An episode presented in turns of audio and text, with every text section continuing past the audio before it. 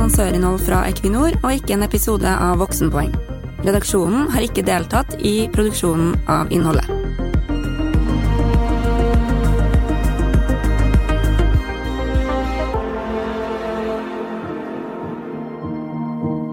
I forrige episode i denne podkastserien fra Equinor møtte vi konsernsjef i Sintef, Alexandra Beck-Gjørv, og bærekraftdirektør i Equinor, Bjørn Otto Sverdrup. Og Da snakka vi om hvorfor vi ikke bare slutter med olje, selv om vi står midt i det grønne skiftet. Men hvis vi ikke slutter med olje, betyr det at alt egentlig bare fortsetter som før i norsk eh, olje- og gassindustri? Og hvordan ser egentlig det grønne skiftet ut sett fra Nordsjøen? Vi hører først fra Alexandra om hvordan hun grep fatt i denne problemstillinga da hun tok over som konsernsjef i Sintef for seks år siden. Jeg kan si at Da jeg begynte i Sintef i 2015, da hadde vi akkurat undertegnet Parisavtalen. Og Der står det jo at det skal være netto null utslipp eh, ca. 2050. Og Det ble en ledestjerne for meg da jeg begynte i Sintef, og i starten så var det veldig tungt. Sintef jobber med forskning på teknologi som kan brukes i industrien, næringslivet og samfunnet ellers. Og Alexandra forteller at så sent som i 2017 så sto Sintefs kunder i olje- og gassindustrien for over en tredel av omsetninga. Men på bare noen få år så har det gått ned fra 34 til 17 Jeg sa til alle kundene jeg snakket med, at vet dere hva, alle utslipp må bort. Det er ikke sånn at liksom, mine utslipp kan fortsette. Alle må ta bort alle sine utslipp. Og det følte jeg ble en sånn sterk strategisk impuls. Og i starten følte jeg at jeg var liksom litt sånn snål forsker som sa det. Altså Først var man vantro, men nå jobber jo alle kundene våre i alle sektorer knallhardt med å skjønne hvordan de skal bidra til det. Så det har vært en enormt mentalt skifte. Ser du også det skiftet når det kommer til hvor enkelt eller raskt man nå tar beslutninger om å investere i grønn industri, sammenligna med for 10-15 år siden? Ja, det er jo helt klart. Det er jo et race nå eh, for å komme ut i markedet, for å ta markedsandeler. Og da tror jeg at noe av det aller viktigste er jo at markedssignalene er blitt ganske tydelige. EUs Green Deal sier at det skal være netto null i 2050. EU sin grønne vekststrategi, eller Green Deal som Alexandra sier, det er kort fortalt EU sin plan for hvordan unionen skal bli klimanøytral innen 2050. Og tiltakene som er satt i gang, har allerede stor påvirkning, ifølge Alexandra. Det er jo en vanvittig sterk impuls til industriutvikling. Nå har ikke jeg tallene etter brexit, men Europa pleide å stå for to tredeler av norsk eksport. Og når et marked som representerer to tredeler av norsk eksport, sier at nå skal vi kjøpe på en helt annen måte, ja, da hopper markedet, og da flytter kapitalen seg til der man, der man ser mulighetene. Og det er en kjempeboom for uh, ja, for veldig mange av våre kunder, i hvert fall. Alexandra forteller også at hun ser et enormt skifte i måten man snur seg raskt for å møte en stigende etterspørsel etter grønne løsninger. Men hva så med selve olje- og gassindustrien? Bjørn Otto Sverdrup, du er bærekraftdirektør i Equinor. Hvordan jobber dere med utslippskutt og omstilling? Alle er enige om at vi skal gjøre et grønt skifte. Og så øh, å gjøre noen skritt på den veien, det er ukomplisert. Og sånn er jo med utslipp eh, på norsk sokkel, at vi kan gjøre en del skritt, og så må vi gjøre noen større sprang for å virkelig få tak i utslippene. Et av de tiltakene Bjørn Otto tenker på da, handler om elektrifisering av norsk olje- og gassproduksjon.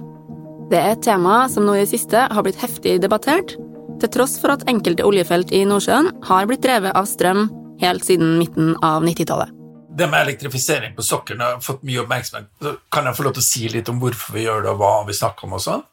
Fordi når vi produserer olje og gass, så bruker vi energi til å både få olje og gassen opp, men også komprimere den for å eksportere den.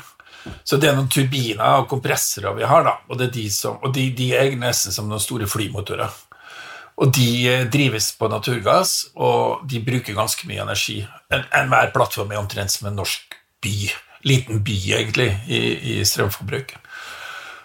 Og, men olje- og gassvirksomhet utgjør nesten en fjerdedel av Norges eh, samla CO2-utslipp. Så hvis vi skal få tak i det og kutte de utslippene Det beste nå, og det mest tilgjengelige nå, for å kutte 5 millioner tonn, 10% av Norges utslipp, er å erstatte på noen av de største feltene våre gasskraft med elektrisk kraft fra kabler fra land. Og det er det vi ønsker å gjøre nå. Kritikerne derimot stiller spørsmål både om effekten på klimaet, men også om hvem som skal betale for det. Det vil gi en flott klimaeffekt for i Norge, for vi fjerner noen av de største utslippspunktene i Norge. Eh, det vil også være en global klimaeffekt av det, som i mine øyne er helt ubestridelig, fordi eh, eh, vi har et kvotesystem som gjør at utslipp, hvis et utslippspunkt fjernes, så vil det bli færre utslippskvoter i Europa. Andre kan bruke gassen mye mer effektivt enn det vi gjør. Hvem skal betale for det? Vel, da er jo en diskusjon om skattesystemet i Norge. Og Norge og norske myndigheter stilt seg sånn at 78% av all verdiskaping på sokkelen tar de. Og da må de også være med å ta investeringene på det. Og det ville jo jaggu vært helt utrolig da, om i 2021 at miljøinvesteringer ikke skal behandles på samme måte som andre investeringer, men skal straffes. Så jeg syns at hele diskusjonen er blitt snål og litt uforståelig, fordi hele logikken i klimahandling er jo å fjerne store utslippspunkt for fossil brensel, og nå fjerner vi noen av de største i Norge. Går det også an å se på spørsmålet om elektrifisering i sammenheng med den rollen som norsk sokkel på sikt kan få i et framtidig europeisk energisystem? Jeg liker å løfte blikket litt og si at uh, dette grønne skiftet kommer til å føre til en ekstrem etterspørsel etter fornybar energi og lagringsløsninger for uh, elektrisitet og annen utslippsfri energi. Og der er Norge i en posisjon til å utvikle masse industri, typisk på land. Når det lykkes, tenker jeg, for jeg tenker ikke fiss, jeg tenker når det lykkes fordi vi er gode i Norge, så kommer man til å ha behov for mye kraft. I dag er det jo kraftoverskudd, men hvis alt går sånn som det skal, så blir det kraftunderskudd i Norge. Da er det å utvikle vindkraft ute i havet en veldig fin måte å bruke norsk kompetanse og, energiressurser til å forsyne både eh, industrien på land, og også gjøre noe med et av Norges aller største klimaproblem, nemlig utslippene knyttet til olje og gass. Og hvis man rigger seg fornuftig da, så vil industrien på land kunne importere kjempebillig vind- og solkraft fra kontinentet når det, er, eh, når det blåser mye, og når det er sol. Og så vil vi kunne sende veldig verdifull vannkraft som kan lagres, til kontinentet når det er knapphet på grønn energi der. Så er det nesten et kinderegg for meg at vi kan få til en industrireising. Vi kan få til at de som jobber i olje- og gassindustrien, som har bygget disse plattformene, kan bruke kunnskapen sin på noe det virkelig er etterspørsel etter i det grønne skiftet. Equinor jobber med havvind også i Norge, og har blant annet planer om en flytende havvindpark i Nordsjøen, nemlig Hywind Tampen. Hvordan jobber Sintef med denne typen løsninger?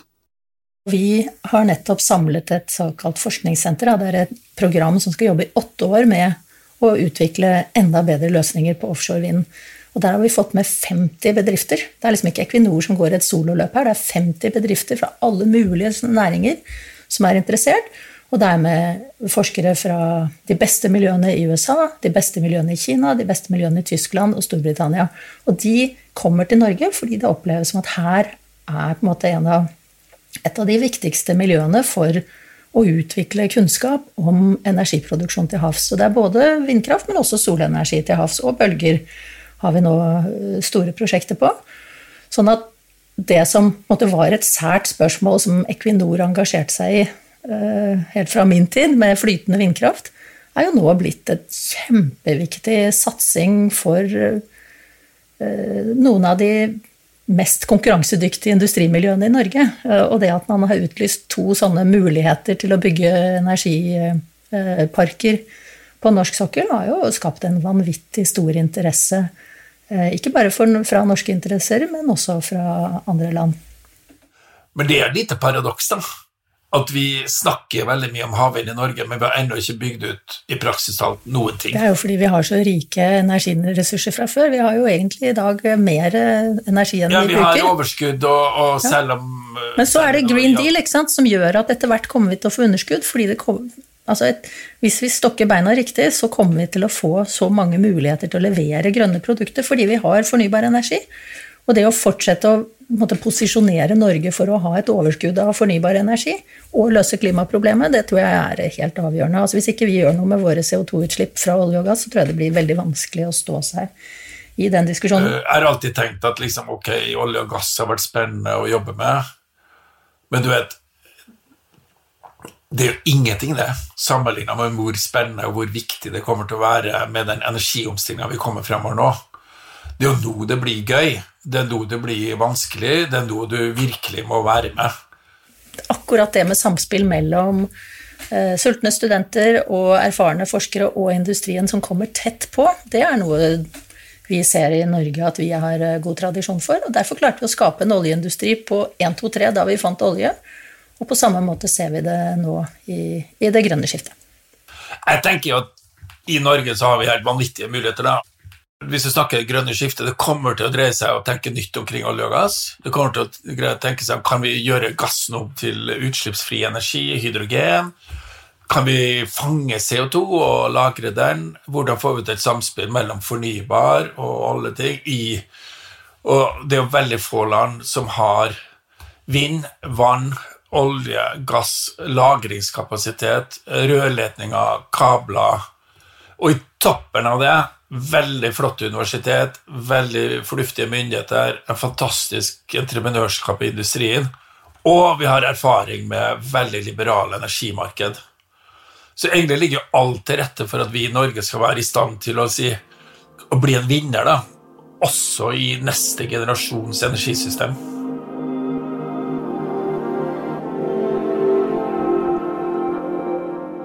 Det høres ikke ut som står på verken interessen, ressursene eller mulighetene. Og oppfordringa er klar. Det er nå det blir gøy, det er nå det blir vanskelig, og det er nå du må være med.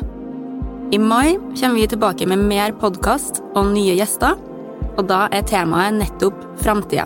For hva skal Norge egentlig leve av i det grønne skiftet? Takk for at du hørte på, og på gjenhør i mai.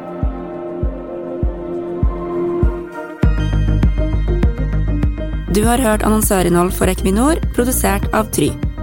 E24s redaksjon har ingen rolle i produksjonen.